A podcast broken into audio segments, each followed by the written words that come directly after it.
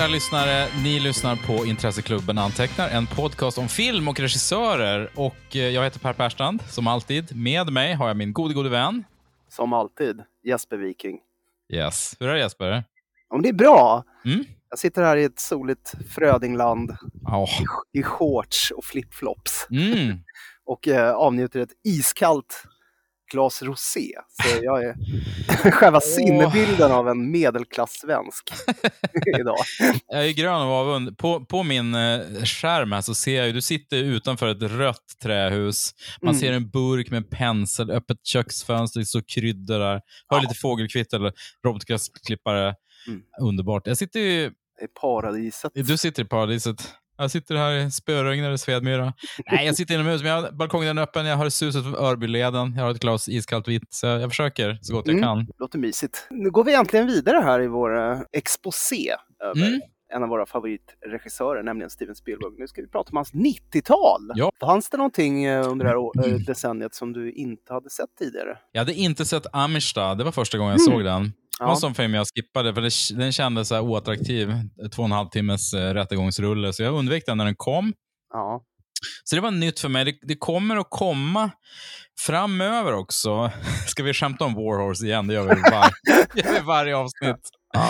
Den har jag inte sett och det är väl någon annan tror jag som jag kanske inte har sett. eh. War Horse, det är lite som Ridley Scotts, eh, vad heter den, White Squall. Ja, just det. En film man Mm, ingen har sett. Ingen har sett den. Nej.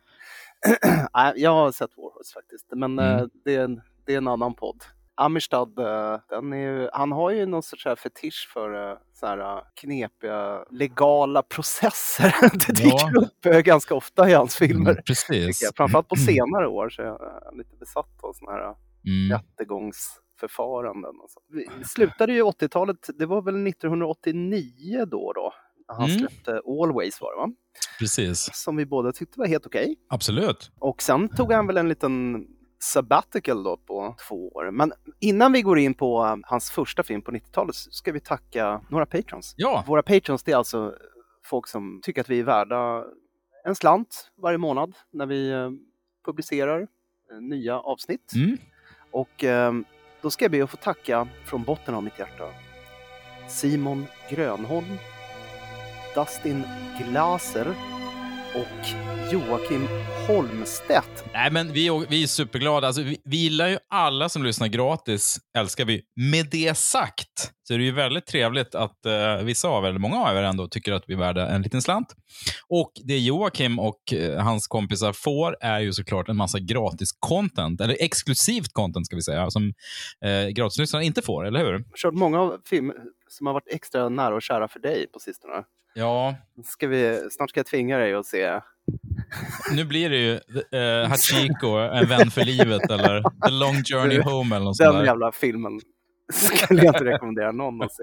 Det kan bli så här uh, Scooby-Doo på Zombie Island eller något sånt. Ja, just det. Men det, det vill jag också se. Jo, det är fan din tur snart. Ja. Mm. Eh, men jag tycker vi går rakt in på det då. Det är 90-tal. Ja, det är det. Men ska vi försöka sammanfatta hans 90-tal först? Ja, jag har inte förberett det, men jag kan ju säga så här. Tala ur gjorde ju- hjärtat. Jag det ur hjärtat. Han gjorde sin kanske sämsta film på 90-talet. Arguably. Ja, En av dem i alla fall. jag tror jag vet vilken du menar. han gjorde sin hittills, tror jag väl, absolut mest framgångsrika film i pengar mätt, gjorde han ju såklart, på 90-talet. Ja, Eh, och han fick ju äntligen en Oscar för bästa regi och bästa film på 90-talet också. Så det, det var ju ett händelserikt eh, Ja, decennium kan man minst sagt säga. hans hittills enda Oscar väl också, eller hur? Jag tror fan det är det så. Ja. Han har ju varit nominerad men inte fått. Troligt. Um, nej, det här, han cementerade ju sin status som eh, både genreregissör och en som autör Mm. under 90-talet. Han fick ju mer smak efter uh, purpurfärgen, helt klart. Mm. Det är lustigt att han gjorde de eh, vissa, det, det, vi återkommer till det, att han jobbade parallellt både med skojig fantasy och svåra allmänmänskliga draman. Ja, samtidigt. verkligen. Det här decenniet har ju allt. Han har ju, han har ju mångsidig i alla decennier för, förstås, men 90-talet är ju i särklass nästan. Mm. Men ska vi, ska vi diskutera elefanten i rummet lite då? Ja, vi börjar med den. Ja, 1991, Mm. då kom Hook. Yeah! Jag förmodar att det var den du syftade till. Ja.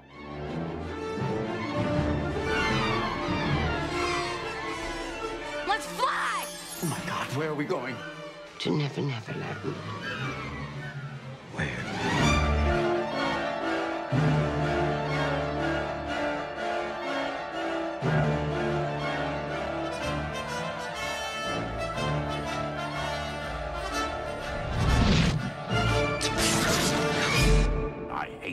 Hate, I hate, Peter Pan. Jag, jag vill ju inte säga att så här, Saving Private Ryan är hans sämsta film, det borde verkligen ta i. Det vore Eh, skräll. Det vore en skräll eftersom det är en av mina favoritfilmer. Peter Banning, spelad av Robin Williams, är en framgångsrik jurist specialiserad på företagsförvärv. Han har en kärleksfull hustru, Caroline Goodall, och två barn. Banning är en arbetsnarkoman som försummar sina barns behov av en positiv fadersgestalt. Hela familjen åker till London för att hälsa på hans hustrus mormor Wendy, som spelas av Maggie Smith, som tog hand om Peter när han var föräldralös. En kväll blir hans barn kidnappade och samma kväll får han träffa den lilla fen Tingeling, Julia Roberts. Hon säger till Peter att han är Peter Pan och att det är hans ärkefiende Kapten Krok, Dustin Hoffman, som har kidnappat hans barn. Mm. Eh, synopsis fortsätter faktiskt här. Ja, det, det är Wikipedias Det är jättelångt. eh, eh, litterär elefantiasis, många av de här. Ja, Wikipedia, precis. Men det går ut på att han måste åka till uh, Nowhereland, uh, landet ingenstans och besegra Kapten Krok. Och essensen är att han ska återfinna sin innersta lyck lycka, eller sin, sin barndom helt enkelt. What's your happy memory, Peter? var en av de schmaltsiga replikerna i det här haveriet. Man blir lite fascinerad av hur en sån här film kan... eh, jag kommer ihåg vi pratade om uh, Cats här för någon månad sedan, eller off mic så att säga. Mm, Och hur, förundras över hur kan den här filmen ha passerat så många instanser mm. och ingen har reagerat på Nej, hur fel det är. liksom. Ja, jag jag vet inte, det kändes som att uh, Hook är produktens total blindhet inför vad som utgör en film på något Mm. sätt. Jag, håller med om att det är ju till dags dato, du, du, du såg den, det är inte ens en, den har liksom missförstått vad en film är. Du är så nere på djupnivå, eller grundnivån. Det här det här- är inte en film. det är, Är det? tvek, det är tveklöst det sämsta Spielberg har gjort. Och, Ja, det måste ju vara det va? Jag har inte Ja. sett War Horse, men den är ju bra påstår du. Och det, det tror jag ju att den är.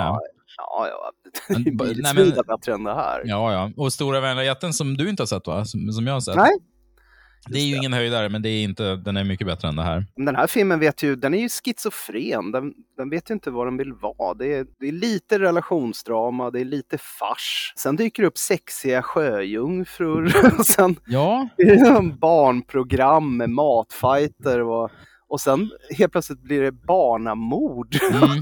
det är så otroligt svajigt. Det Shaggy är förnamnet på den här ja. filmen.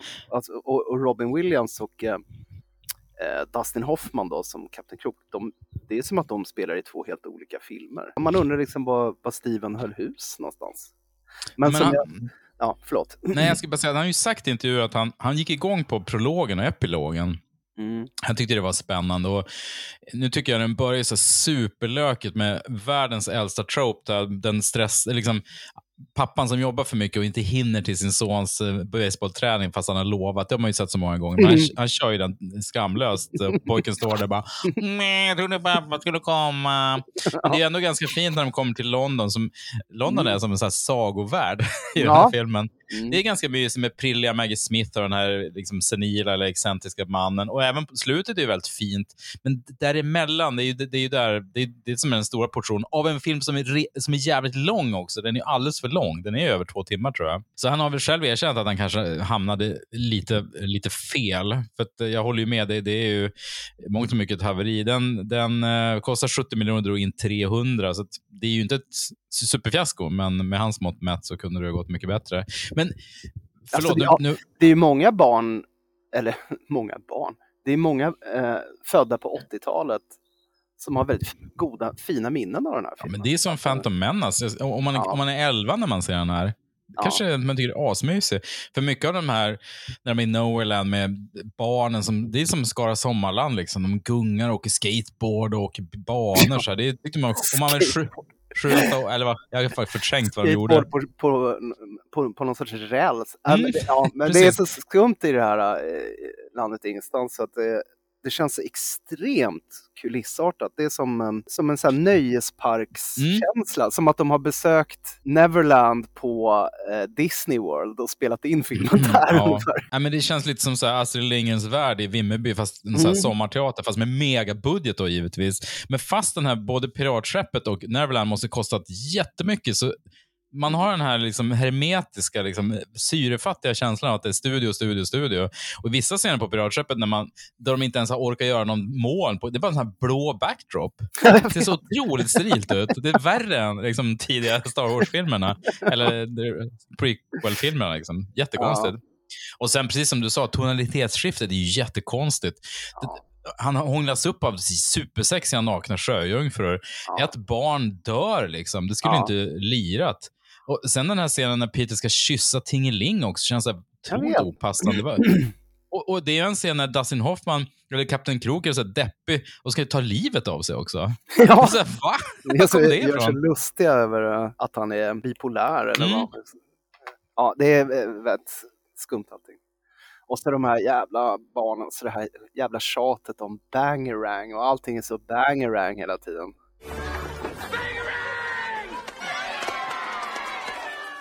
Jag blir tokig. Aldrig slut. Nej, usch. Äh, vi brukar inte vara negativa i den här podden, men jag, jag försökte verkligen vrida ur något positivt ur den här filmen.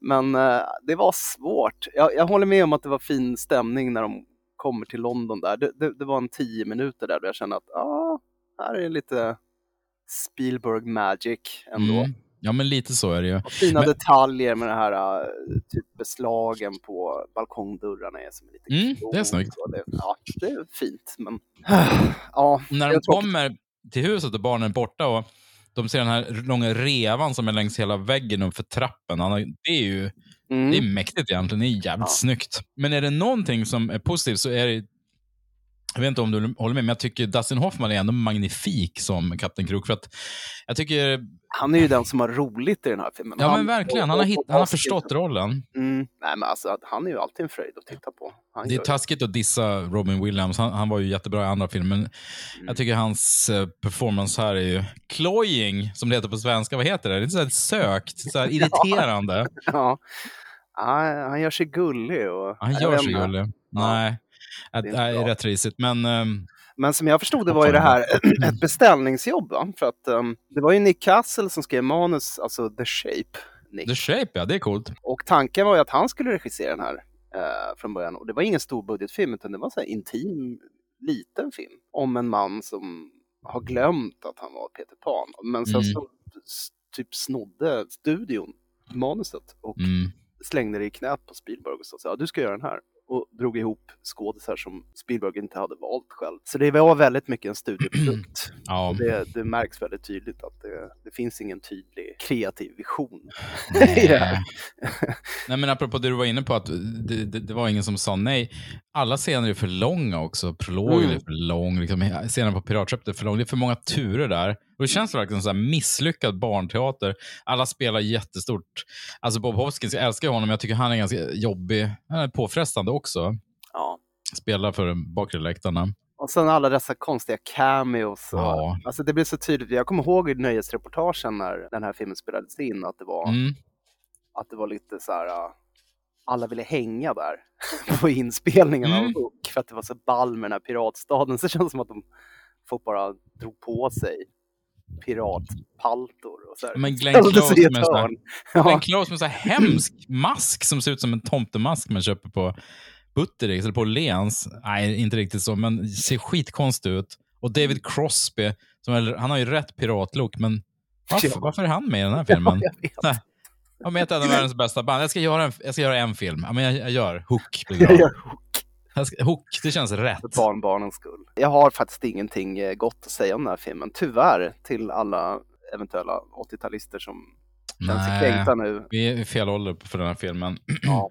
Vi kan ju lyfta att Dustin Hoffman har jävligt cool, eller Kapten Krok har jävligt coolt så här cig, cigarettmunstycke som att man kan röka två cigg samtidigt. ja. Det har jag, det, det har jag aldrig sett förut i någon film, så det är rätt tufft.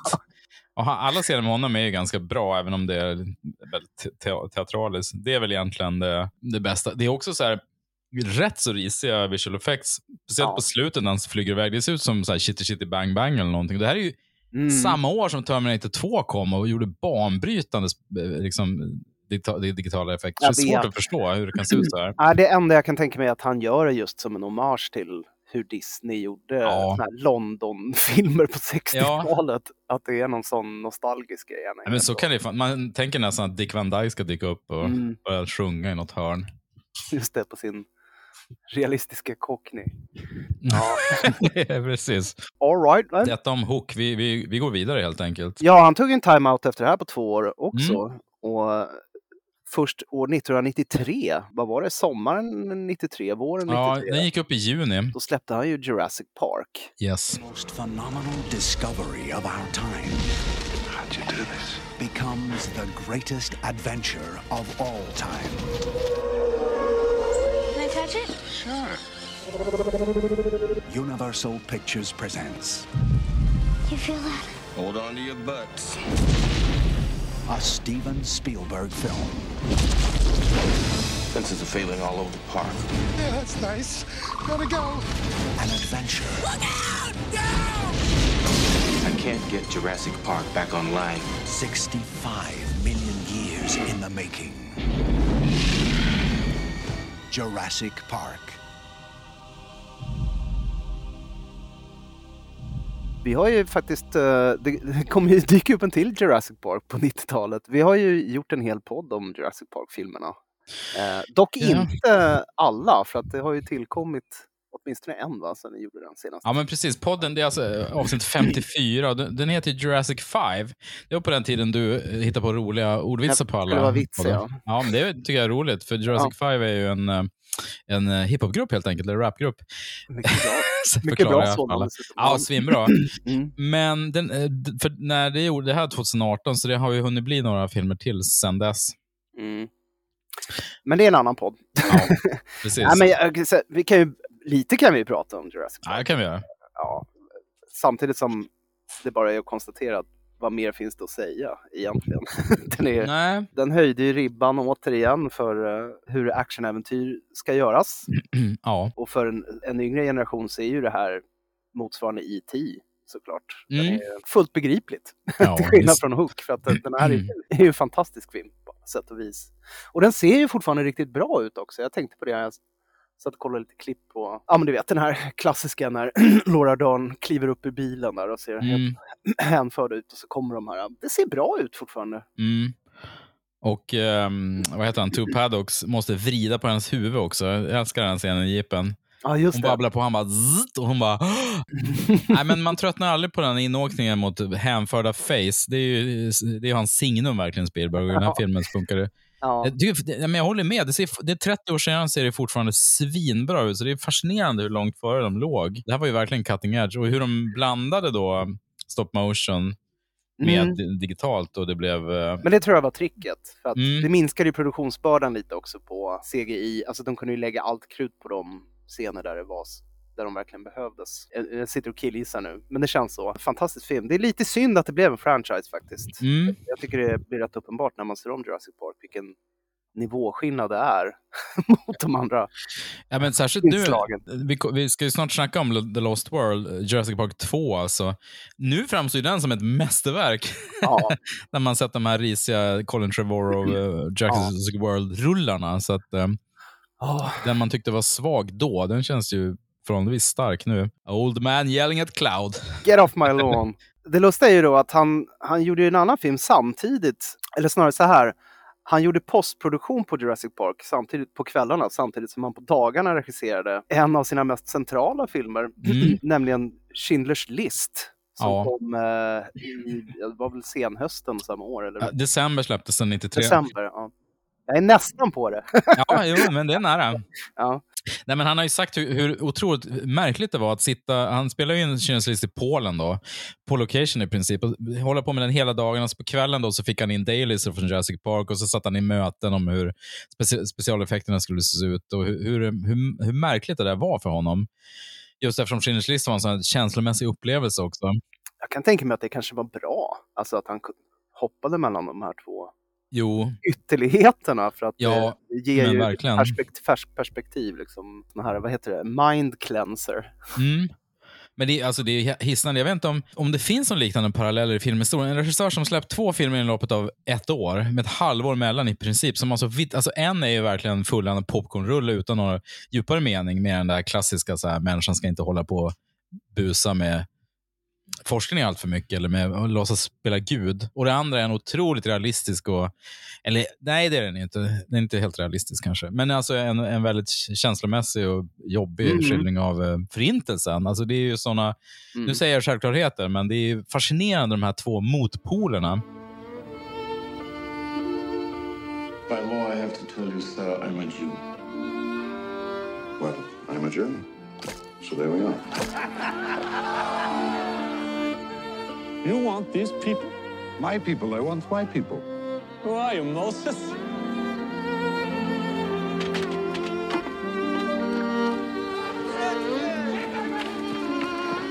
They say your factory is a haven. They say you are good. Who says that? Everyone.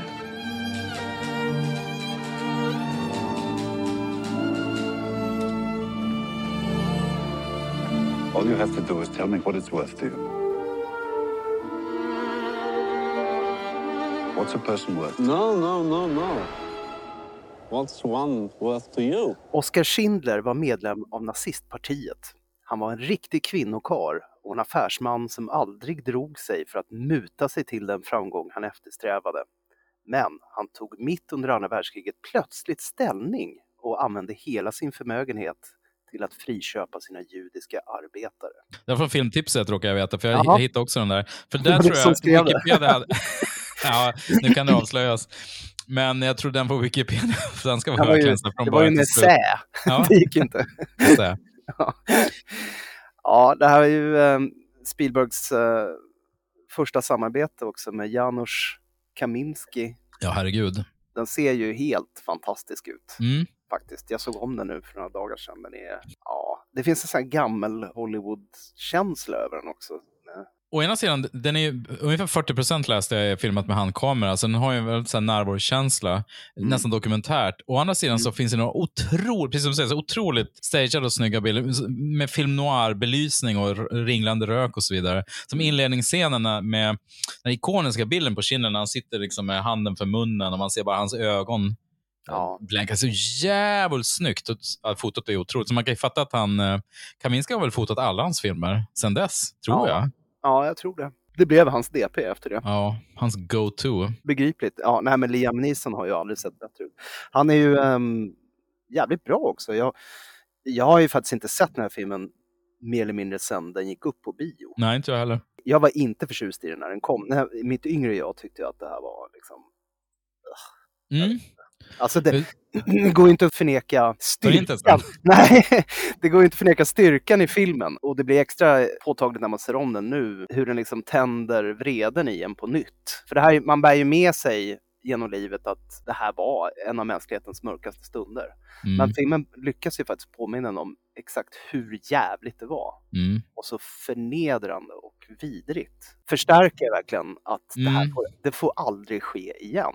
Nej. Det var vet, intressant. Han går i en fin balansgång här, Spielberg. För att det finns ju sekvenser som man aldrig glömmer eh, i den här filmen. Till exempel eh, ja, men utrensningen av gettot där. Ja, men det är absolut starkaste sekvensen tycker jag i hela filmen ändå. Ja, och eh, även när de, han skildrar eh, de här kvinnornas panikskräck i duschrummet där. När Mm. de är rädda, för de har ju hört ryktena. Liksom. Mm. Då blir det vatten och de skrattar liksom av ren Mm. överlevnadslättnad. Alltså det är, det är fruktansvärda scener. Det är, det är det- jag hade faktiskt svårt att se de scenerna. Alltså det går nästan inte att titta på, för det är så jävla... Det är så fruktansvärt hemskt att veta att det har hänt också. Rafe Fiennes är ju iskallt vidrig Ja.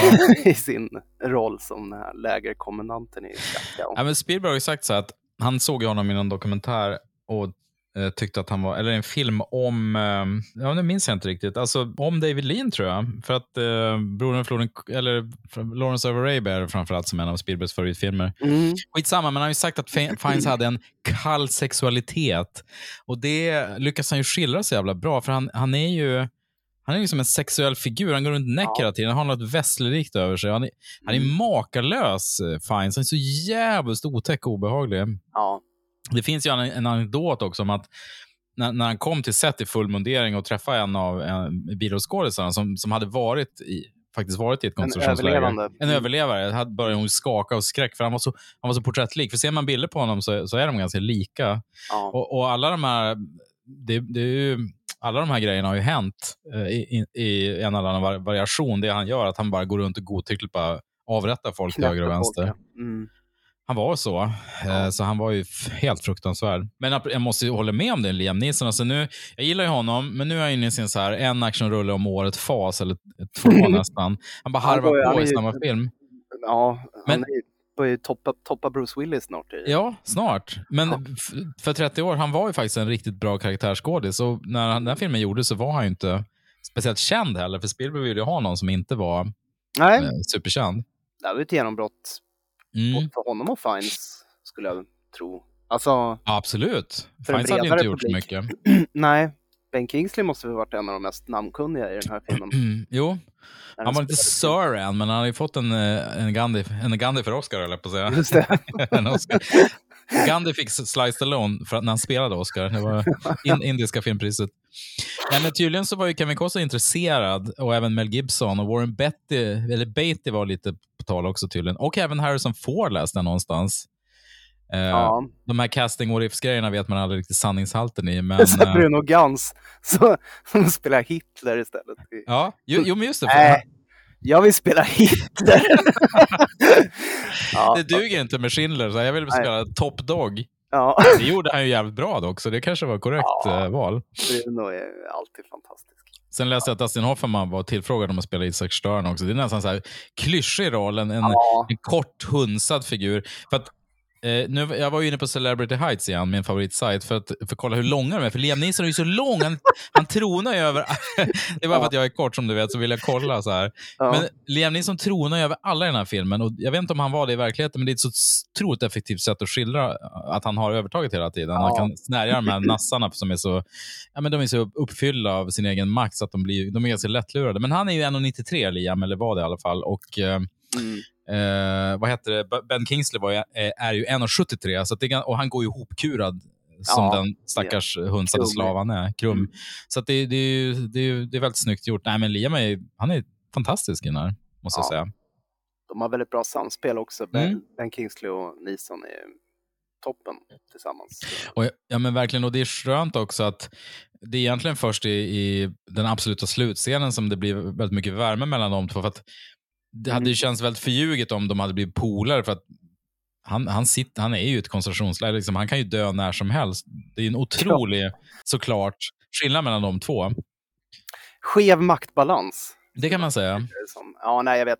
Och den har ju fått kritik också, uh, framförallt av uh, judiska församlingar, att den är, Mm. ja men du vet, en förintelsefilm med ett lyckligt slut, liksom. Eh, eller ett Ja. upp, upplyftande slut. Så här. De Mm. tycker att, det är, att, de, att man gör um, berättelsen en otjänst. Jag hackar inte på filmen så, men jag tycker det är en legitim invändning Mm. faktiskt. Och jag känner ju också att jag tycker den här filmen är jättestark, men sen kan jag ibland misstänka att Spielberg kanske var lite för ung när han gjorde den, för att ibland snubblar den ju in i pekoral lite grann. Mm.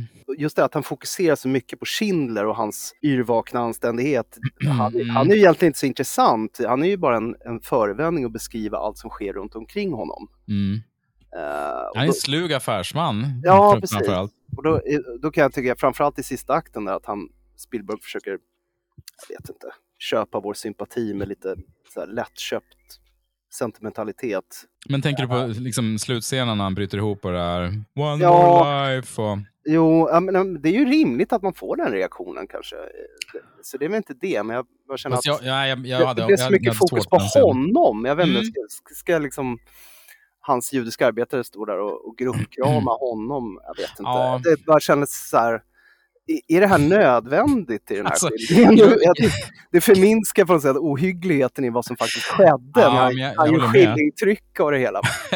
ja, men jag, för jag tänkte så här, jag kommer inte ihåg den här scenen och så tänkte Nej. så här, vänta nu, ska det bli gruppkram nu? Och det Ja. blev det. Det blev Ja. en gruppkram. Det det. Det, Ja, det var magstarkt. Mm. Jag kan ju säga exakt var man skulle klippt eh, den scenen och sen klippt direkt till han sitter i baksätet på bilen. För det är en så snygg callback när han sitter i bilen och tittar. Det, han håller handen på exakt samma sätt. Det är fotat på samma sätt som Ja. inledningsscenen. Ja, Men i början av scenen sitter han bara ser cool. ja. Och i sista scenen så sitter han och är berörd och, och förstörd. Så att han har gjort sin resa då. Jag tycker det är en fin scen fram tills gruppkramen. För jag Ja. håller med, det, det blir lite magstarkt. Mm. Han blir lite så här White Saber-figur av det hela. Men Jo. sen tror jag, problematiken kan ju vara också så här, i och med att den här filmen kommer och, och blir så populär, görs av världens liksom, mest populära bankablers, då är det som att då, här blir, då blir det den definitiva filmen om förintelsen på något sätt. Samma sak med Ryan, om man inte gillar den, så har den, den har blivit den definitiva filmen om, Ja. kanske inte andra världskriget, men Normandie i alla fall. Och då, då kommer det inte göra så många andra, och då får man ta, take it or leave it. Liksom. ja, jo. Samtidigt, å andra sidan, nu säger jag, sitter jag bara och spottar självklarheter, men det kanske krävs en Spielberg för att göra en film som får sånt genomslag. Och då kanske man får ta det onda med det goda. För den förde ju ändå upp Förintelsen på, på agendan och han, han bildade en Shoah Foundation som samlar in pengar och så vidare. och så vidare. Ja, alltså jag är ju glad att den gjordes. Mm. Det, Jo, det absolut. nej, men man får kritisera den. Apropå Shoah, så han Claude Lanzmann som gjorde Shoah, den här episka 28 timmars filmen, han tyckte ju att det var dravel och ja, men verkligen sentimentalt skit. Ja, Att han tyckte det, det kändes förljuget. Ja, ja men det, kan man, det får man ju tycka. Det kan man ju respektera. Eh, det här är ju ändå, tror jag, av många sett som hans främsta film. Mm, tror det. Den är ju bitvis mästerlig. Alltså. Det är ett klokt val också. Att han har ju i stort sett bara okända skådisar i det är tre, Mm. det är tre, fyra stora roller. Det, Mm. blir ju, det hade blivit konstigt om så Adam Goldberg dyker upp eh, i gettot där eller någon, Mm. någon, någon mer profilerad skådis. Eh, nej, men jag håller med. Den har, det, det finns enormt starka scener. Men, jag- men jag måste fråga, läste du att Brian De Palma blev erbjuden den här filmen? Fast att tacka nej. Nej. Det står det på internet. Åh fan, då är det ju Vilket- sant. Ja. Ja, men det står på Wikipedia. Men jag bara tänker så här, hur skulle den här ha sett ut om Brian De Palma hade gjort den? Det går nästan inte att tänka sig det. Skulle han fått en Oscar då? Var det liksom the one that got away? Då, jag tror att Spielberg Det som- var, det är rimligare att Spielberg gjorde den. Det blir som Scarface fast med Schindler liksom i huvudrollen. Ja, ja, men alltså De Palma kan ju Mm. göra eh, brutala, drabbande krigs... Eh, Ja. Han gjorde ju kanske till of War. Den är ju jättestark den också. Mm, det är så har scener som är nästan otittbara för de är så eh, starka. Ja, men jag vet inte. Jag tror inte hans sensibilitet är rätt för det här materialet. Alltså han är ju... Det skulle kännas jättekonstigt med hans Jättekonstigt. bildstormande liksom i det här. Mm. Ja. Så här jättesnygga åkningar och Ja, någon avrättning där kameran åker runt, runt i 360 grader. Nej, det, det, usch. det, Ja, usch, det ska inte lira riktigt. nej. Nej, men, och Spielberg har ju berättat att han blev ju mobbad när han var liten för att han, han var jude också. Eh, fast han har liksom inte, det här var han, Mm. han hade inte riktigt tänkt på det så mycket eller liksom greppat det, men det fick han göra nu. Mm. Ja, Men, du, men du, vad tycker du om eh, färgen, den här eh, flickan i den röda kappan? jag tycker det är sökt. Eh, jag, jag tycker inte om när man blandar. Alltså, är det svartvitt så är det. Jag, jag, jag har svårt för det där. Är det svartvitt, Mixande. är det. Ja, men jag blir väldigt kategorisk i sådana där Mm. sammanhang. jag tycker det, det är väl så här, ja, alltså varför har hon en röd kappa? Vi lägger han fokus på henne och, och följer henne med kameran, då ser man ju henne ändå. Jag förstår inte riktigt vad Nej, syftet är. men det är som första gången man ser henne så ser ju Schindler henne och andra gången man ser henne långt senare när hon ligger död på en kärra, då är det är som, det, det, Ja, det, är, den... det, det är en payoffen då. Liksom. Ja, men precis. Och det är hon. då Schindler börjar förstå att oj då, jag måste göra något åt för att stoppa den här massakern. Ja. Men jag håller med. Jag tycker Ja, att det svar på är frågan. lite... Ja, men Spielberg har ju sagt i en intervju att det skulle vara en symbol för att eh, USA var så sena med, med att gå in i andra världskriget, fast de eh, visste att förintelsen pågick. Mm. Att röda färgen hade, hade en sån liksom signifikans. Jag, jag tolkar det lite mer som att det symboliserar hopp. Alltså det, fin det finns ett hopp att den här lilla flickan Mm. faktiskt kunde överleva. Sen släcks hoppet då när man får se en andra gång. Då är det, inte, då är det som kört, för då åker allt till Auschwitz. Sen på Mm. slutet när de tänder ljus, då, Ja, då är de i färg. då finns hoppet, då är det färdigt. Då, Det då, då har hoppet, hoppet kommit tillbaka. Det hade jag av någon anledning lättare att acceptera. Ja, men det är mindre störande tror jag. Mm. Och sen tycker man, corny som man är, så här, det är fint med ljusets tänt stearinljus som en symbol för hopp. Det är starkt. Det är bra content. Det är banalt, men, ja. men det är icke desto mindre sant. Jag har också lite svårt för det här med röda. Jag tycker filmen hade varit bättre utan det. Ja, jag tycker också det. Skönt, då klubbar vi igenom det. Då är bestämt. Ja. Då går vi vidare på dagordningen. Ja. Mm. Ja. ja, nej men uh, Schindler's list, har man inte sett den på uh, ja, nästan 20 år som jag så uh, rekommenderar jag att man gör det. Det är det, är, en- det är vacker filmkonst och Mm. en, en viktig uh, berättelse. Ja, den, den är stark på många sätt. Och oavsett de här nästan outhärdliga scenerna så han är en sån skicklig berättare, Spielberg, så filmen bara flyter på. Den är ju tre timmar och 16 minuter eller något sånt, så det, det är ju en lång macka att sätta sig igenom. Men jag delar upp den på två kvällar. Ingenting jämfört med Endgame. Nej, Motsvarande. nej, egentligen. precis. Ja, Det är härligt ordet för att beskriva film, den filmen. Ja, nej, ja. Oklädsamt kanske. Smarrig kväll i tv-soffan. Nej, men eh, sen så um, tog det ju fyra år innan Ja. man såg en Spielberg-affisch på stan igen. Mm, det dröjde verkligen. 1997. Också en, en vår-release, tror jag, va? Släpptes i maj. Ja, då hade jag rätt. Mm. Äntligen. Jag sa fel på Schindler's list var november, inte december som jag Ja, sa. du sa senhöst, så att du hade mer rätt än jag hade där. Mm, Det var. Amistad som vi ska prata om sen. Det var den som kom i december. Ah, just det. Ser jag nu i mina notes här. Men då kom ju uppföljaren till Jurassic Park, The Lost World, Mm. colon Jurassic Park. Är det här den första filmen som sätter eftertiteln först? Jag minns att det var förvirrande när den kom. Så här, var- Mm. Varför heter den inte Jurassic Park colon Lost World istället? Det borde ju vara så. Jag satt och försökte komma på om, jag, om det finns några tidigare exempel, men det, det här känns som en, en genesis för Ja. ett ganska risigt marketinggrepp. Terminator Genesis. Terminator penises. Nej men, Jesper. Men lyssnare får gärna mejla in och höra av er om ni har statistik på det här, för det känns nytt och nu är det ju vanligt. Det här var ju också ett år, 97, då han släppte två filmer. En eh, popcornfilm och en seriös film eh, i Amistad som vi också ska återkomma till, men bara ett halvårs mellanrum. Men så där kan det ju bli. Mm. Ja, min analys. Så kan det bli. Så kan det gå. A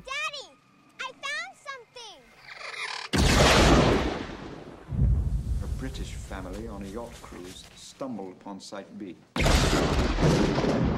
Now it's only a matter of time before this lost world is found and pillaged.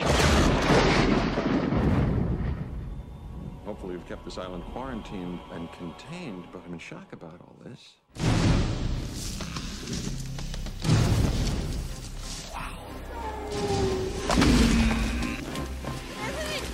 Ooh, ah, that's how it always starts. But then later there's running and then screaming. Hell was that? Go. As fast as you can. Fyra år efter misslyckandet med Jurassic Park på Isla Nublar avslöjar John Hammond för Ian Malcolm att det finns en annan ö där dinosaurier uppföddes innan de transporterades till parken. Lämnade ensamma sedan katastrofen har dinosaurierna blomstrat på den nya ön och Hammond vill nu skicka dit ett forskningsteam för att dokumentera dinosaurierna i sitt naturliga tillstånd. Mm. Det som inte framgår i synopsis är att det går käpprätt åt helvete, som det plägar göra i en Jurassic-film. Ja, eh, once bitten twice shy brukar man säga. Men Hammond gav sig inte efter att ha liksom misslyckats kapitalt en gång. Mm. Det här är ju Isla Sorna då, då som Just vi befinner oss på nu. Den här filmen gjordes mitt under eh, på- pågående, precis som nu, manusstrejk i Hollywood. Jaha, var det så? Ja, jag såg det i en artikel om pågående manusstrejk för, för några dagar sedan. Och då föll några lite bitar på plats faktiskt kring The Lost World. att ja, jag kan se det, att det inte var så Mm. tight manus på den här äh, filmen. Jag vill minnas att vi pratade lite i de termerna i vårt äh, Jurassic Park-podd också. Nej, men precis. Den här är också med såklart i podd 54 som ni kan lyssna på. Finns där poddar finns. Nej, men alltså det vanliga är ju att, eller det är inte alls alltid vanligt, men ofta är det ju så att eh, manusförfattaren eller en scriptdoctor är med liksom under, på set. Och, eh, eller, fan vad jag sitter och killgissar. De är inte alls med på set, men det kan, Spielberg kan ju ha haft någon som kunde putsa på manuset dagligen. Liksom. Ja. Och, men det går ju inte då när det är strejk, så då får de köra på det befintliga manuset och inte ändra ett ord egentligen. Eller han kan ju själv då... Nej, han, måste ju, han är väl själv med i WGA, Ja. Spielberg, så Ja, då, då, han vill ju inte själv vara en strejkbrytare. Så. Nej. Nej, men en scab, det vill man inte vara. Nej, men den, den har ju sina... Det är inte en lika tight film såklart som Jurassic Park som ju är liksom ett, ett mästerverk. Nej. Men den har ju en del fina sekvenser. Mm. Mm. Ehm, Julianne Moore är med. Det är alltid trevligt. Hon är jättebra. Mm. Och nej, men Det här tror jag vi kanske belyste i den podden. Det är ju länge sedan nu, men just att det var lite indie-casting. Vince Vaughn Ja. Som hade slagit in med Swingers fick vara med. Julianne Moore hade gjort Shortcuts eh, 93 och var liksom up and, och jagad också. Ja, just eh, det. samma ja, det, är, det är inte självklara actionhjältar. Nej, det var lite spännande casting. Och, och Jeff Goldblum fick ju en större roll än han hade i, i ettan. Där var han med en sån här rolig sidekick, eller liksom roligt inslag. Men här Mm. fick han ju Det är väl det som är filmens belastning lite grann. Ian Malcolm är en sidekick-figur. Mm. Jag upplevde aldrig riktigt att han höll som huvudprotagonist. För att han är en sån här rollfigur som ska reagera på vad andra säger. Och komma med en så sardonisk quip när han har Ja. hört det. Ja, men det är sant, det var ju hans roll i ettan. Mm. Och, och han var en så här coolt, så här, intellektuellt, eh, sarkastiskt eh, motvalls till de här ganska mer präktiga Ellie Sattler och eh, vad heter han? Two, Two Paddocks, jag kommer inte ihåg jag kommer inte på Sam. Neill. Sam Neill heter han, ja. Jag måste beställa det där vinet snart. Det, ja. går, det går nog att beställa på bolaget som importvara skulle jag tro. Den har ju några grymma set pieces, som när bussen liksom håller på att åka ner i avgrunden och Mm. glaset krackelerar och så. Det, är- det är ju Det är det är mäktigt. Det är mäktigt. Men det, det känns ju lite som att han gjorde den bara för att han hade kvar idéer som aldrig kom in i den första. Mm. Alltså till exempel att han ville ha T-rexar springandes runt i storstan. Ja, precis. Jag menar, alla som har växt upp med King Kong, vilket han gjorde, måste ju drömma om att själv få göra, eller Godzilla, måste ju drömma om att själv få göra den filmen. Och nu fick han ju göra det. Men det finns ju mycket att glädjas åt. Det, är ju alltså eh, Toby Ziegler från eh, The West Wing är med. Richard Schiff, eh, alltid kul. Peter Ja. Stormare spelar den här eh, jägaren, Pete Postlethwaite. Just det, han, han, Ja. just han, han ersätter eh, Bob Peck där. Mm, precis. Eller det är väl Pete Postlethwaite som gör det va? Så Peter Ja. Stormare är med. Han ska spela sydafrikan, var det inte så? Big Game Hunter. Det här var innan han eh, Copley gjorde karriär. Precis, så blev resident sydafrikan Mm. i alla filmer. Ja, vad har vi på Lost World? Det får ni lyssna på i podd 54 tror jag. Ja, Det var ett tag sedan jag om den. Den är kul. Liksom. Det är ju inte riktigt samma grej som eh, Jurassic Park som är så mästerlig. Men var det här Spielbergs första uppföljare för övrigt? om man räknar bort Indiana Jones då, men det, de ser man ju inte riktigt som uppföljare utan det är ju mera... Jag skulle nog säga att det är uppföljare. episo- Skulle du det? Jag, jag ser det mer bara som episoder i en... Jag vet, alltså rent Ja, tekniskt jo. har du ju rätt, men Mm. emotionellt så upplever jag inte... Så, Hajen 2, Hajen 3, det är också episoder i Hajens liv. Nej, jag vet, det går inte att jämföra. Nej. Och man fattar ju att Spielberg inte gjorde någon av dem såklart. Det var ju, det var ju mer bara kräma ut uh, exploitation. Ja, nej, men och det här har vi ett liknande scenario som med Jurassic Park och Schindler's list då, var ju Mm. att han, han, han klippte väl Lost World samtidigt som han spelade in Amistad, var det inte så? Eller var det tvärtom? Nej, det var precis samma upplägg. Det, jag tror det. Jag har, inte hitt, jag har inte forskat i det. Jag blev mest fascinerad över det här att han satt i Polen och spelade in Schindler's list och samtidigt kollade på dailies från eh, Jurassic Park. Ja. ja, men det är väl rimligt va, för att Amistad kommer ju senare på, på Ja, men precis. Den Ja. kommer i slutet på året, i december där. Mm. Ja, men precis, det är samma grej. Popcornrulle på sommaren, liksom histor- seriös historiskt drama på, på hösten. Då. Eh, Dock med lite diminishing returns, för Amistad har ju inte all, all samma sprängkraft såklart som eh, Schindler's list. Inte internationellt i alla fall. Ett mörkt kapitel i USAs historia. Mm. Och eh, jag menar, alla koloniala länder givetvis, men de har ju fortfarande inte gjort upp med, med slaveriet i USA riktigt. Nej. the most important case ever come before this court. Because what it in fact concerns is freedom, the very nature of man. And the proof is the length to which a man will go to regain it once taken. He will break loose his chains. He will decimate his enemies. He will try and try and try against all odds, against all prejudices. To get home. Ska jag köra synopsis på Amistad? Ja, men du, jag kan köra ett. Ja. Bara tugga ur. Lite respektfullt kanske. Ja, mot lyssnarna. Och mot slavar. År 1839 gör 53 mörkhyade slavar uppror och dödar de flesta i besättningen på det spanska slavskeppet La Amistad. Men slavarna grips utanför Long Island och ställs inför rätta i en federal domstol i Connecticut i USA. Frågan rätten har att ta ställning till är vems egendom de i själva verket är, eller ifall de är att anse som fria personer, bortrövade från Västafrika med rättshandlingsförmåga. Frågan är även politiskt brännhet då i det samtida USA där sydstaterna med slaveri anser ett frigivande vara en provokation mot deras viktigaste näring och ett steg närmare mot ett framtida inbördeskrig. Det verkar vara en AI, trasig AI som har skrivit den här meningen.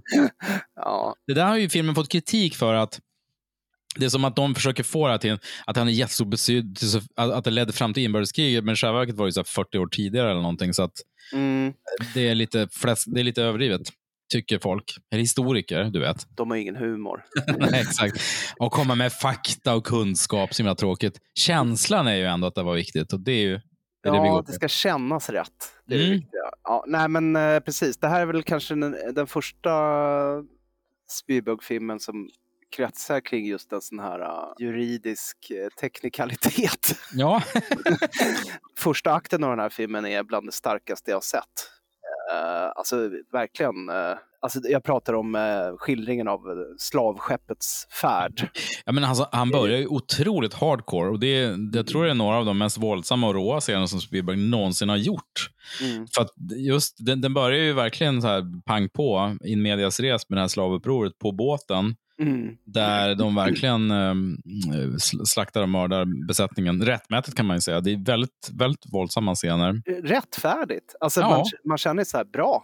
Alltså Mm. man brutalt och skräckinjagande och eh, drabbande i brist på Mm. ett bättre ord. Det är så här ord det har gått inflation i. Men, Ja. eh, men det är ju det. Ja, Man blir nästan eh, skakig. Och därför så blir det så extremt jobbigt halvvägs in i filmen då det sker ett märkligt tempobyte då. Det är plötsligt ett rättegångsdrama och Anthony Hopkins står i en rättssal och är självgod i 45 minuter. ja, oändligt lång eh, monolog har han där. Och jag menar, jag, jag kan ju gilla det. Jag gillar JFK, jag gillar den här back and to the left. Det här Back långa anförandet som Kevin Costner har i, JFK. Det är säkert Mm. 20 minuter. Det finns starka rättegångsscener, men det här är bara tråkigt. De, de, det är så segt, för de, Morgan Freeman och Stellan Skarsgård, då, liksom våra hjältar, då, de besöker ju honom flera gånger. Han är så här prillig och konstig, pratar om annat, verkar nästan senil. Men givetvis då när han får komma till tals, då, då får han ju glänsa och vara den här rättrådiga människan. Han är Men en det är eh, segt. det- Ja, det, det är som att göra en film om, om hur, hur vidrigt det är med slaveri eller är det en, en någon sorts hyllning till stora oratörer? ja. Det, det är det man sitter och undrar när man ser Ja, den. men precis. Jag håller med det du sa lite om... Det, det är märkligt att det blir så mycket fokus på Oskar Schindler här och var i Schindlers list. Men här tycker jag ändå att även om det blir mycket en rättegångsfilm så, så just den här slavledaren, Cinque, som spelas av Jimon Honsu, han, han får ju ganska mycket screentime ändå. Ja, debut, debutroll för honom va? Jag tror fan det. Mm. Han är ju Eh, fantastisk. Han är Ja, j- jättebra. jä- jättebra. Så det blir ju tack och lov inte en- liksom en White Saber-film av Amistad, utan man, man, förstår ju, man får ju väldigt stor del av slavarnas bakgrund och roll och så. Och sen dyker ju tyvärr en väldigt felkastad Matthew McConaughey upp.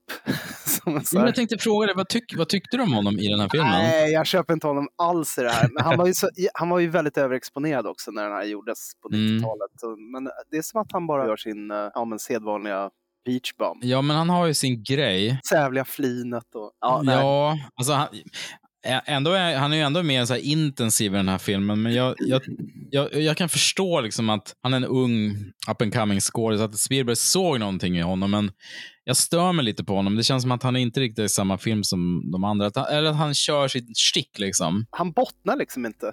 Riktigt. Nej, exakt. Medan jag tycker Morgan Freeman och Stellan är mer, de känns mer trovärdiga och liksom lugnare, mer, bot, mer, ja, men mer grundade, om man ska Mm. säga.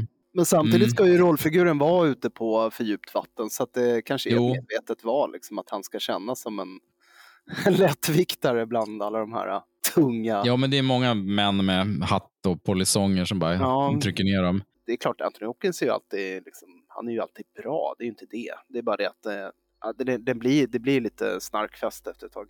Man Men jag tror att, vrider ja, men problemet är också att frågan ställs ju redan i första, läge, eh, första rättegången. Så här, var det fel av spanjorerna? Liksom, är de, har, var de förslavade? Vems egendom är de? Det handlar såklart om människosynen också. Så det finns ju Mm. anknytningar till Schindler. Att man de flesta människor i USA betraktar dem som någon slags ohyra eller bara djur, vilket är skrämmande såklart. Mm. Men då, det har, på något vis har det, har det redan kommit upp, så här, hur ska man se på dem i, i den rättegången? Så kommer det en ny rättegång då. Mm. Då blir det liksom samma visa igen. Och då, då, payoffen skulle då vara att man ska sitta och njuta av Anthony Hopkins eh, långa prat. där, Men jag hade svårt att hålla intresset Ja. uppe där. Det funkar inte, helt enkelt. Nej, det är massa roliga birollskådisar. Kevin J. O'Connor till exempel. Mm, eh, det är kul. Vår favorit. Sander Berkeley är alltid kul att se. Paul Guilfoyle Mm. eh, dyker upp också. Läste du förresten att Will Smith och Seal var lite Ja, sugna på att spela slaven här? Ja. Undrar- Och att, att Spielberg faktiskt erbjöd Cuba Gooding Jr. rollen, men han var, han var ju så hög på sig själv efter Oscarsvinsten för uh, Jerry Maguire, så han tackade ju nej. Han var så här, vad fan, jag vill inte spela slav, show me the money. Ja. Vilket han sagt att han ångrar efteråt när han insåg att han var en jävla douchebag. Det var ju hans chans att få, för sen har ju inte han fått så bra roller, Cuba. Men det här hade ju kunnat vara liksom Vadå? ett... Han fick ju spela O.J. Simpson jag glömde det. fantastiska tv-filmen. Ja. Mm. Nej, men eh, visst. Vad, gud, vilken lättnad att det inte blev Cuba Gooding Jr. Ja, herregud. Nej, men det hade blivit konstigt också med en Hollywood-skådis. Det är ju helt rätt att nu, nu är väl han fransman, fransman Jim Ononso, men att, att det inte blev en... Mm. Att det, det känns ju mycket mer genuint än någon uh, Hollywood-snubbe. Nej, det var, han var ju en upptäckt, uh, Jimon. Mm. Och eh, han har ju jobbat stadigt sedan dess. Ja. Han har haft en bra karriär. kan Man säga. Vad är han han med nu? Ja, Shazam-filmerna. Det Ja, det. ex exakt. Ja. Han, var ju, han var ju i Stockholm för någon, någon månad sedan eh, på, under premiären av Shazam. Mm. Var han här för det? Han var här. Gud vad lustigt. Ja, men det var lite kul. Ja, det är ju David F. Sandberg såklart. Det är ju Precis. Sverige. Ja. Men eh, så David, han var här och uh, Jimon var här. Men jag tycker det var kul med, jag var inte där såklart, men jag såg det på socials. Men det Mm. är kul med, um, ja men för mig är är ju mest, jag har, eh, var ju i Gladiator jag upptäckte Jimon Ja. Onso, där han så bra. 97 står sig väl inte fullt så bra mm, jämfört med 93? Nej, verkligen inte. Två mellanfilmer kan man nästan säga. Jag tycker Ja. ju, alltså, Amistad är ju en film man inte behöver se, skulle jag vilja påstå. Om man inte är Spielberg-kompletist eller Stellan-kompletist. Det är alltid kul att se Stellan, eh, förstås. Eh, Jag, men, håller, jag håller med. Jag Mm. tycker inte heller att det här är required. Men den är, som sagt, den har sina kvaliteter. Mm. Måste, måste gardera mig lite. precis.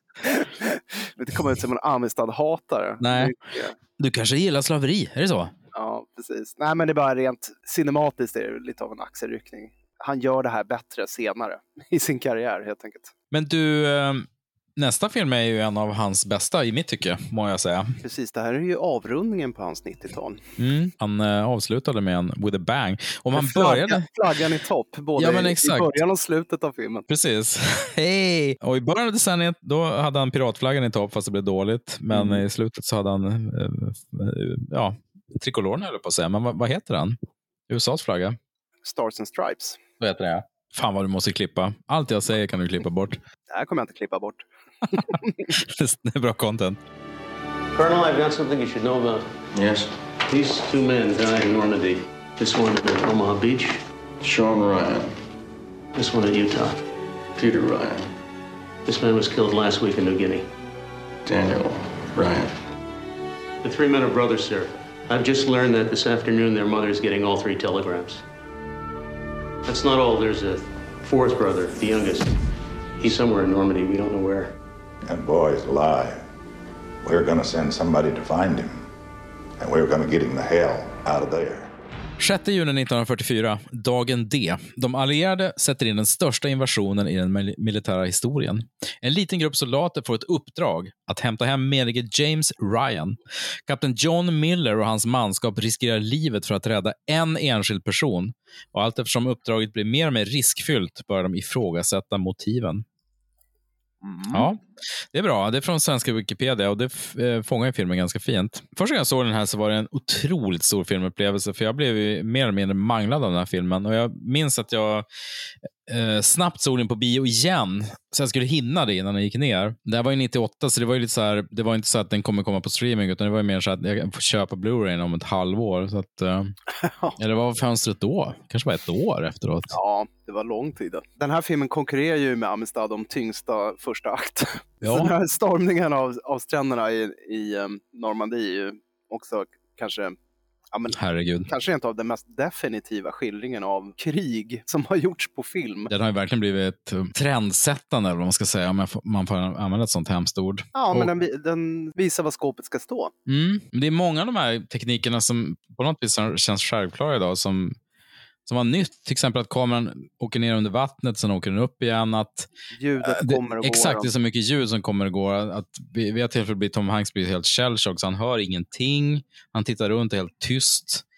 Är så... Kameran är ur fokus. Och, Ja, det är jättemycket sånt. Ljudarbetet i den här filmen är ju helt makalöst. För, eh, så just den 25-minuters-sekvensen är ju fortfarande jävligt knäckande. Jag minns också hur, hur jag reagerade så starkt. Eh, jag blev nästan illamående just den här, eh, när de står på, på båten, eller på de här landstigningsfarkosterna, jag vet inte vad de heter riktigt, men du vet, alla står där så här, livrädda, skakar, liksom, kräks. Kräks i hjälmen och sen när de viks ner och de ska gå ombord, hur de bara blir slaktade. Liksom, nästan alla i, i, folk i huvudet bara dör. Det, Ja. kändes så, jä- det var så jävla hopplöst. kan inte vara kul. Och veta att man är kanonmat. Total kanonmat. Nu går jag hälsan i förväg kanske, men eh, jag har ju sett den här rätt många gånger.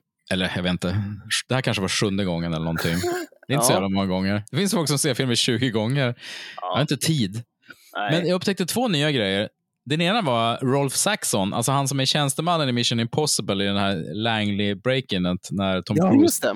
Han som är dålig i magen. han som är dålig i magen, han är ju med i landstigningsscenen. Man ser honom, först ser man på honom i en av de här farkosterna och sen senare på stranden ser man honom. Jag minns inte riktigt om han dör. Jag tror han är en sån, sån som blir sprängd ihjäl. Det var, det var bara en bisak.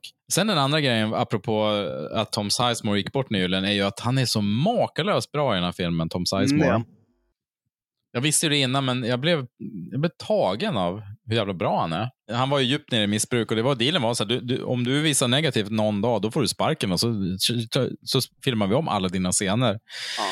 Men jag är ju glad att han skärpte sig för att um, det han gör i landstingsfarkosten, när de andra, liksom, Tom Hanks står och skakar sig med handen, vissa gråter, andra svimmar nästan. Han lägger in en skitstor tugg tobak. Ja. Ser, ser sammanbiten ut. Ja, han, är, han är otrolig. Han är väldigt, um, rollfiguren är väldigt lik den i, han gör i Heat också. Mm. Trygg sekond som håller huvudet kallt, verkligen. Det var någon i Band of Brothers som sa eh, någonting så här att ja, men tricket är att bara utgå ifrån att man är, redan är död. Mm. Det är som en tidsfråga. Mm. Vi, är zombies som går runt här. Liksom. Eh, då, Det känns som han har anammat det. Mm, det finns inget att vara rädd för, liksom, för vi Nej. är redan döda egentligen. Men det var ju lustigt, jag tänker hela den här sekvensen när, du vet, när de upptäcker på krigsdepartementet att den här kvinnans, tre av hennes fyra söner har Mm. dött och hon kommer få samtliga telegram levererade samma dag och de kör upp till hennes hus. Hon är ju typ som Ma Kent i Stålmannen. Verkligen, verkligen. Rapsfält och Mm. en stor porch och typ en äppelpaj på, på svalka i köksfönstret. Ja, Jag bara känner så här, ja, nu är Spielberg på mammas gata. Så Ja, det, är det, visst. det är högstämt och det är nostalgiskt och sentimentalt och det är, det är som amerikanskt. In i- Otroligt. In i ryggmärgen verkligen Mm. allting. Så, Och just att det är dialoglöst, hon går framåt dem. Hon, när, när första kliver ur bilen så faller hon ihop sig på trappen också. Det blir nästan som en målning. när hon ser prästen. Här, Ja, men exakt. Det är när hon ser prästen, det är då hon förstår att shit, nu är det Men bad news. Norman Rockwell. eh, Ja. motiv. Jag störde mig på det, men det är omotståndligt också. Det är skickligt gjort. Som jag anmärkte på med Schindler's list också, att Private Ryan, den har ju också så här, den glider ju in i en sliskig sentimentalitet ibland. Vilket jag, jag har lättare att acceptera när han gör genre, liksom fantasyfilmer, men jag irriterar mig mer på det när han gör såna här äh, historiska Mm skildringar. Det är då det börjar kännas oärligt. Men samtidigt, man sitter ju där och har en tår i ögonvrån. Liksom. Mm. Den har ju fått kritik för att den, den börjar så här superrealistiskt och, eh, och första halvtimmen är så här knäckande tycker alla. Och sen blir det lite så här äventyrsfilm och Men on a mission-film. Men samtidigt undrar jag också, alltid den här dualismen liksom mellan hur plågsamt kan det bli om man samtidigt vill behålla en publik? För att kritiken har varit att han gör en Mm. äventyrsfilm, att det är en klassisk så här, andra världskriget-film med killar på, på ett uppdrag. Men det är också jävligt tilltalande. Det, det, det, är, det är mysigt, eh, av brist på ett bättre ord. Att det på något vis skulle vara omoraliskt att inte fortsätta efter inledningen på samma note, så att säga. Ja, jag menar, vi är ju alla kodade utifrån vad vi har sett. Alla krigsfilmer som har gjorts dessförinnan är ju... Det är klart att det påverkar den här filmen. Och, våra, och våra förväntningar på en sån här typ av film.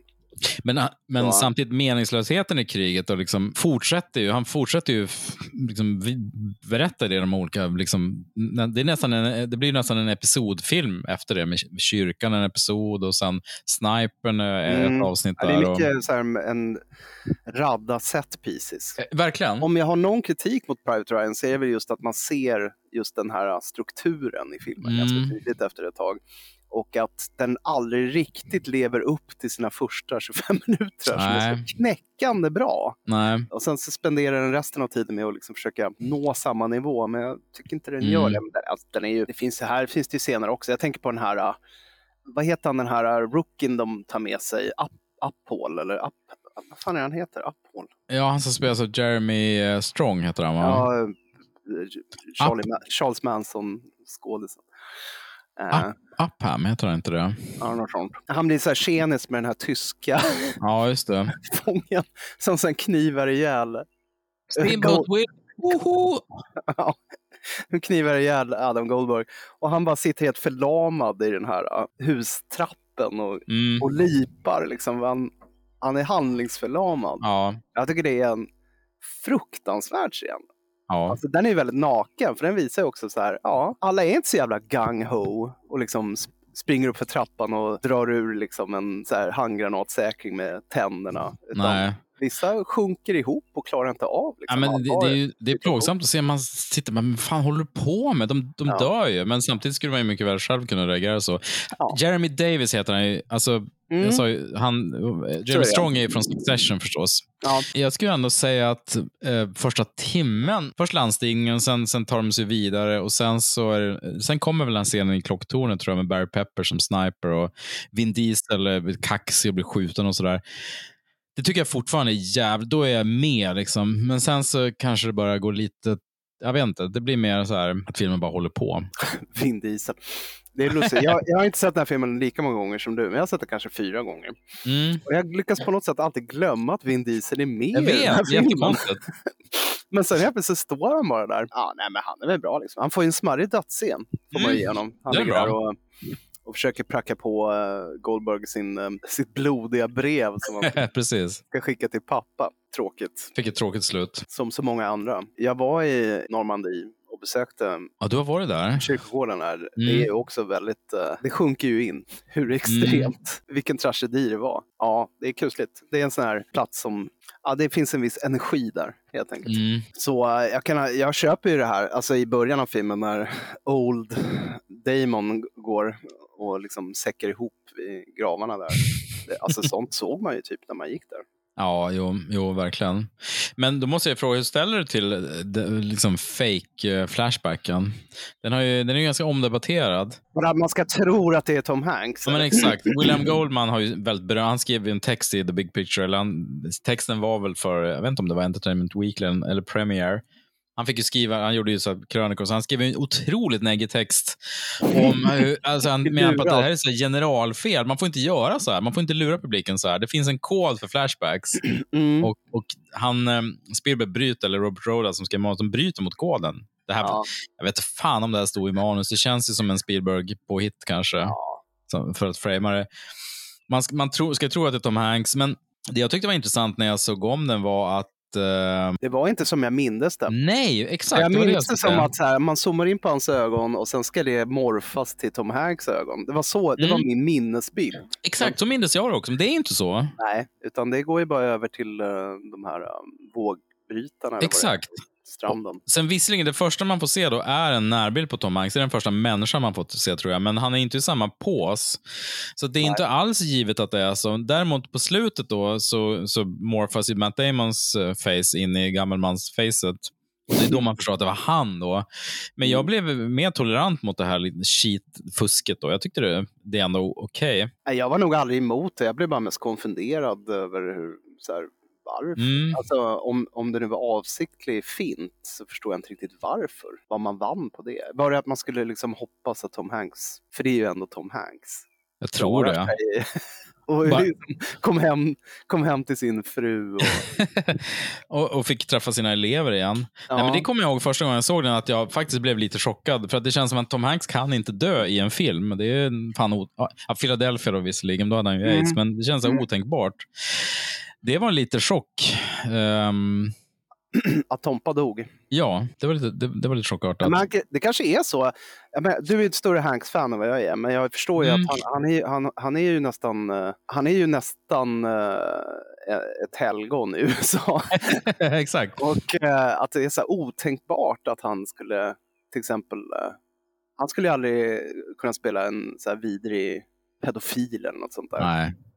Då hade ju folk bränt ner biograferna. Ja, Förmodligen. man känner sig lurade. Mm. Åh, det är som att så här, ni har förstört min barndom. Jag växte upp med Big och Splash. Sen Ja. pedofil.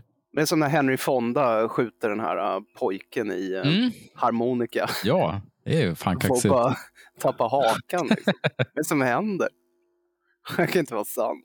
Jag måste lyfta fram, eh, jag tycker den här scenen i kyrkan på kvällen, på natten är så otroligt fin. Dels det Mm, det, är bra... jätte, det jag tänkte på den också nu när jag såg om den. Att, Mm. eh, ja, det, det är nog min favorit, mitt favoritmellanspel i den här filmen. Mm, När de sitter och minns uh, ja, den här, vad hette han, Vecchio som gick på ja precis. Mm. Jätte, otroligt bra scen av Hanks och Sizemore. Deras samspel är Ja. så guld. Sen har ju Giovanni Ribisi har den här anekdoten om hans mamma som är så rörande. Just det, som kom hem sent och han låtsades sova. Ja, exakt. Mm. Och nu när man sett den någon gång så, så är det lite som när polisparten säger så här. Ja, bara en vecka kvar till pensionen. Hoppas det här uppdraget blir soft så här för att... eh, ja, exakt. så här, Hej då. Sista dag på jobbet. Mm, precis. Hoppas inget går fel nu. Sista dagen. Sen ska jag ut och fiska och ta det lugnt. Och, och ska läsa böcker. Ska ha det så bra. Bo i Mm. min stuga. Och sen äh, Ribisis dödsscen tycker jag är fortfarande jätteplågsam. när Han ropar Ja. efter mamma där och blodet bara forsar ur magen. Det är, alltså det är, det är starkt. Drabbande. Ja, drabbande, ja. Bri- Brist på andra ord. Det var eh, liksom nyckelordet för Spielbergs 90-tal. Mm, det kan man säga. Mm. Men sen en grej som är lite tr- tråkig, det är ju den här, när de hittar Matt Damon och han vill vara kvar. När han, det, finns ju, det, är ju nästan, det är två lugna scener i filmen. Det är ju natten i kyrkan och så är det den här, när de väntar på invasionen av den här bron då, i den här utbombade Mm. stan, när de kör vevgrammofon och sådär. Då drar ju han sin anekdot om den här fula tjejen som någon skulle tafsa Ja, på. Det känns som känns så här, Ja. Ja, jag vill inte använda att säga att den inte är PK, för det, men det är det ju inte. Men just att den känns så här e- elak på något sätt. Mm. Och grejen är så konstigt, för att det känns också så här missriktad 90-talssensibilitet, ungefär som i Hook. Att det ska vara, en, Ja. ku- det ska vara kul. Så, Haha, hon är så jävla ful! Så här, det känns, nu känns det så här, fan vad taskig han är. Ja. Hon ramlar ner för the ugly tree och hit every branch. Så, oh. Mm. Ja, jag vet inte. Ja, det var en annan tid. Det var en annan tid. För den, alltså den, den sekvensen på två minuter gör att man ska känna för Matt Damon, tror jag. Känna att det ska vara värt för de andra att liksom rädda honom. Jag vet inte. Ja. Men ja, den, du- här, den här killen är, han är grön. Han är reko. Ja. Men köpte du att det här att han inte vill åka hem, utan han vill vara kvar och liksom, han är lojal mot sin, sin eh, pluton eller skvadron, så att säga? Ja, ja, men det kan jag nog köpa. Jag tror att, för man blir så sammanslutna Mm. i en sån här liv eller död situation så att han, så, han vill inte lämna sin nya familj. Nej, men jag köpte också det faktiskt. Ja, Matt Damon är ju perfekt i den här rollen för han har ett sånt Ja. helylle amerikanskt utseende. Så att Ja. Han, är som, han är som Solstickan liksom. Som är så det svenska barnet på något sätt. Han är så väldigt... Ja, eh, ser- Uramerikanen. Ja, verkligen. Han kan ju inte ha gjort mycket innan det här. Det är väl typ Good Will Hunting. Och sen, Ja, jag tror det. Eh, Han, det var ju verkligen en tidig roll för honom. Han var och, också... Ja, men Spielberg ville ha någon som inte var jättekänd, så att det inte Ja. var så här Matt Damon eller någon. Nej, men nu sa jag Matt Damon. Matt Dillon tänkte jag på. Det var också då ett exempel. Nej, men vem skulle det kunna vara som var jättekänd? Leo DiCaprio och så här. Ja, just det. Precis. Ja, det är rimligt. Johnny Depp. Ja, precis. Fast de var väl ändå kända vid den här tiden. Ja. Johnny Depp var väldigt känd. Det är så jävla pressure också att du får höra från en döende person så här. Earn this. Va? Vad sa du? Earn it. Så här, ska göra det förtjänt. Okej. Okay. Så måste han leva hela sitt jävla liv och inte göra ett enda felsteg. Han får inte vara taskig mot någon, han får inte vara otrogen. Han får inte liksom säga något, något elakt eller någonting. Han måste leva så här rättrådigt. Ständigt blicka över axeln. Ja. Känna sig jagad av. Vad skulle Tom Hanks ha gjort i den här situationen? Det är väl rimligt i och för sig att man ska leva ett så bra liv som möjligt, men det är ganska hårt. Eh, liksom höga krav. Ja, men det är väl ett allmän kristet budskap? Absolut, det är ja. det ju. Ja, nej, men jag håller med. Han, är, han är, verkar ju helt uh, flåsig nästan på sina äldre dagar. Över att han, har jag verkligen levt på det Mm. sättet? När jag borde... Tell me I'm a good man. ja, det skulle väl vara prologen och epilogen som kanske faller in under det här sentimental- sentimentalitets... eh, Ja, eh, och absolut. fanan. Men som sagt, jag har ju sett det där på riktigt. Så det, Ja. det, där händer ju. Alltså, Ja men herregud, alltså, fi- filmen var ju en otrolig upplevelse för många veteraner såklart. Och Sp- Spielberg har ju sagt också i intervjuer att han, jag lyssnade senast på, um, har, har du hört den här eh, Desert Island Discs, alltså den här podden som BBC har? Nej. Jättemysigt. Det går ut på att det är ett radioprogram som finns i poddform också, men det går ut på att de bjuder in en känd person och så får han eller hon prata om vilka tio skivor, man, eller åtta eller vad fan det är, man ska ta med sig på en öde ö och så pratar de kring de här skivorna och så är det intervjuer Ah. om deras liv. Jag lyssnade på när Spielberg var gäst, är jättemysigt, men då berättade han att men hans pappa var ju krigsveteran och, och ibland hade ju pappan över gamla lumparkompisar och då kunde han komma in i vardagsrummet så sitter två vuxna män och gråter tillsammans ja. och är helt knäckta. Och de berättade aldrig för honom vad det var. Så det var ju väldigt gåtfullt för honom. Så min pappa, liksom, varför sitter han och gråter? Vad är, det som, vad är det som händer? De kunde inte prata om det. Däremot kunde de bara, bara genom att vara i samma rum och ha den här delade erfarenheten av Normandie eller krigs... Var det eh. Så för, hon, för Spielberg kändes det väl vik- viktigt att göra det och många veteraner har ju liksom känt, eh, känt att det, det här var deras historia. Fick, fick komma ut. Och Sen är det kul att se filmen som liksom en föregångare till Band of Brothers också. För både Tompa och Steven fick ju mer smak för att göra det här. Just det, de proddar ju den. Precis, de producerade det tillsammans. Och det är ju en fantastisk serie också. Men det där, är, det där var en liknande story. Jag hörde Burt Reynolds i en intervju. Han pratade om eh, Charles Durning som han Åh. var så god vän med. Han älskade Charles Durning. Mm. Eh, man hade känt, de spelar ihop också i, vad heter den, Stick. Åh, Stick! Charles, Durning har den här röda peruken och alltså, hawaiiskjorta. Men det, är, det är den med albino-boven också? Ja? Som exakt. Balkongfallet han, där. Han är från Goldie Hawn-filmen. Ja, det är han. Åh, starkt. Ehm, men eh, ja, det där, albinos på film, de har Mm. fått bad rep, får man säga. Verkligen. Det är som Stick och sen var det The Firm, va? det var ju också han, eh, vad heter han, så snubben Just det. Eh, han heter... eh, Tobin. Tobin Bell.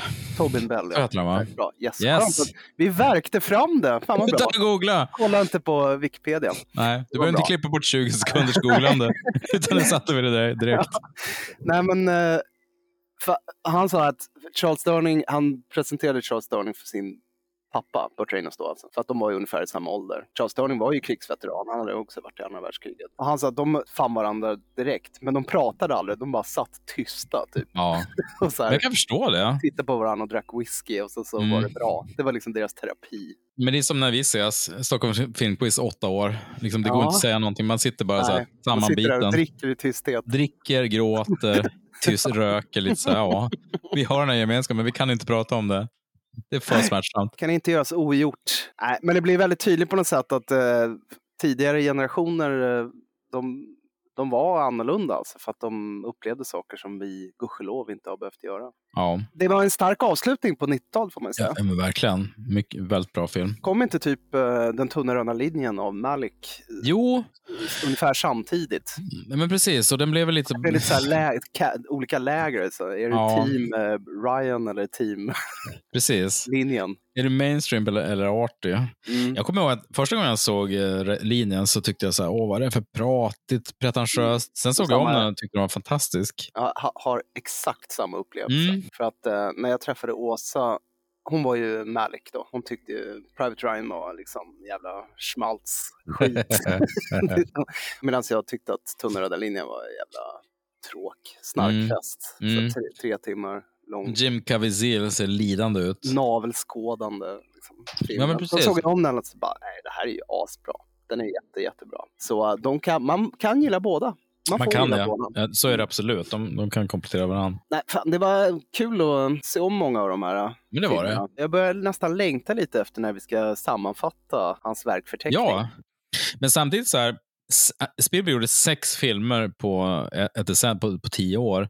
Det händer ju inte längre. Hur många filmer har Ari Aster gjort? Han har gjort tre filmer på, hur länge då? Tio år. O otroligt dålig jämförelse. Mellan, men, men om, om man, ska vi säga, något mer rimligt? Ja. Det är helt väsensskilt.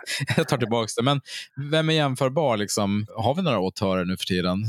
Eh, Jag menar, Scorsese gör väl en film var tredje år kanske. Han hinner ju inte alls göra. Alltså, på den tiden var ju regissörerna mer Nej, det här är en tes jag inte kan stödja riktigt. Det var, Spielberg var det. Men, Ja, men han jag, också jag, jag, vet vad du, jag förstår vad du far efter. Ja. Eh, men det fanns ju, han var ju så otrolig liksom, kassako också. För Ja. Det fanns ju många sådana regissörer som Sidney Pollack till exempel som sprutade ur sig grejer. Spielberg behöver ju inte jaga finansiering heller. Sen får man inte glömma att han samtidigt som han höll på med det här var, var exekutiv producent på ganska mycket grejer också. Nej, men alltså, satan vad han jobbar alltså, Steven. Inte bara filmer utan även tv-serier. Mm. Helt knäppt faktiskt. Då så, men då börjar vi ta oss an de filmerna då och så återkommer vi snarast eh, med Spielbergs 2000 Ja, men det gör vi. Tack för att ni lyssnar. Och vill ni stödja oss med en slant så går ni in på vad är det? icapodcast.com. Com, ja. Då kommer ni in till vår Patreon-sida och Kom till vår kan lätta, precis, lätta på lädret och släppa ut en, eh, några dollars varje månad så får ni exklusivt content. Det är enda sättet, vi har ju sagt det redan, men jag säger det igen. Det är enda sättet att lyssna på vår jagad-podd som jag tyckte blev ganska mysig ändå. Absolut. Det är en mysig film. Sen när, när du får bestämma, då blir det så här Star Trek, och så, så blir det Star Trek, och så blir det Star Trek, och så blir det Star Trek. Det blir högtravande, det blir så här pretentiösa Star, Star Trek-rullar. Vi hörs snart igen. Hej! Hej då!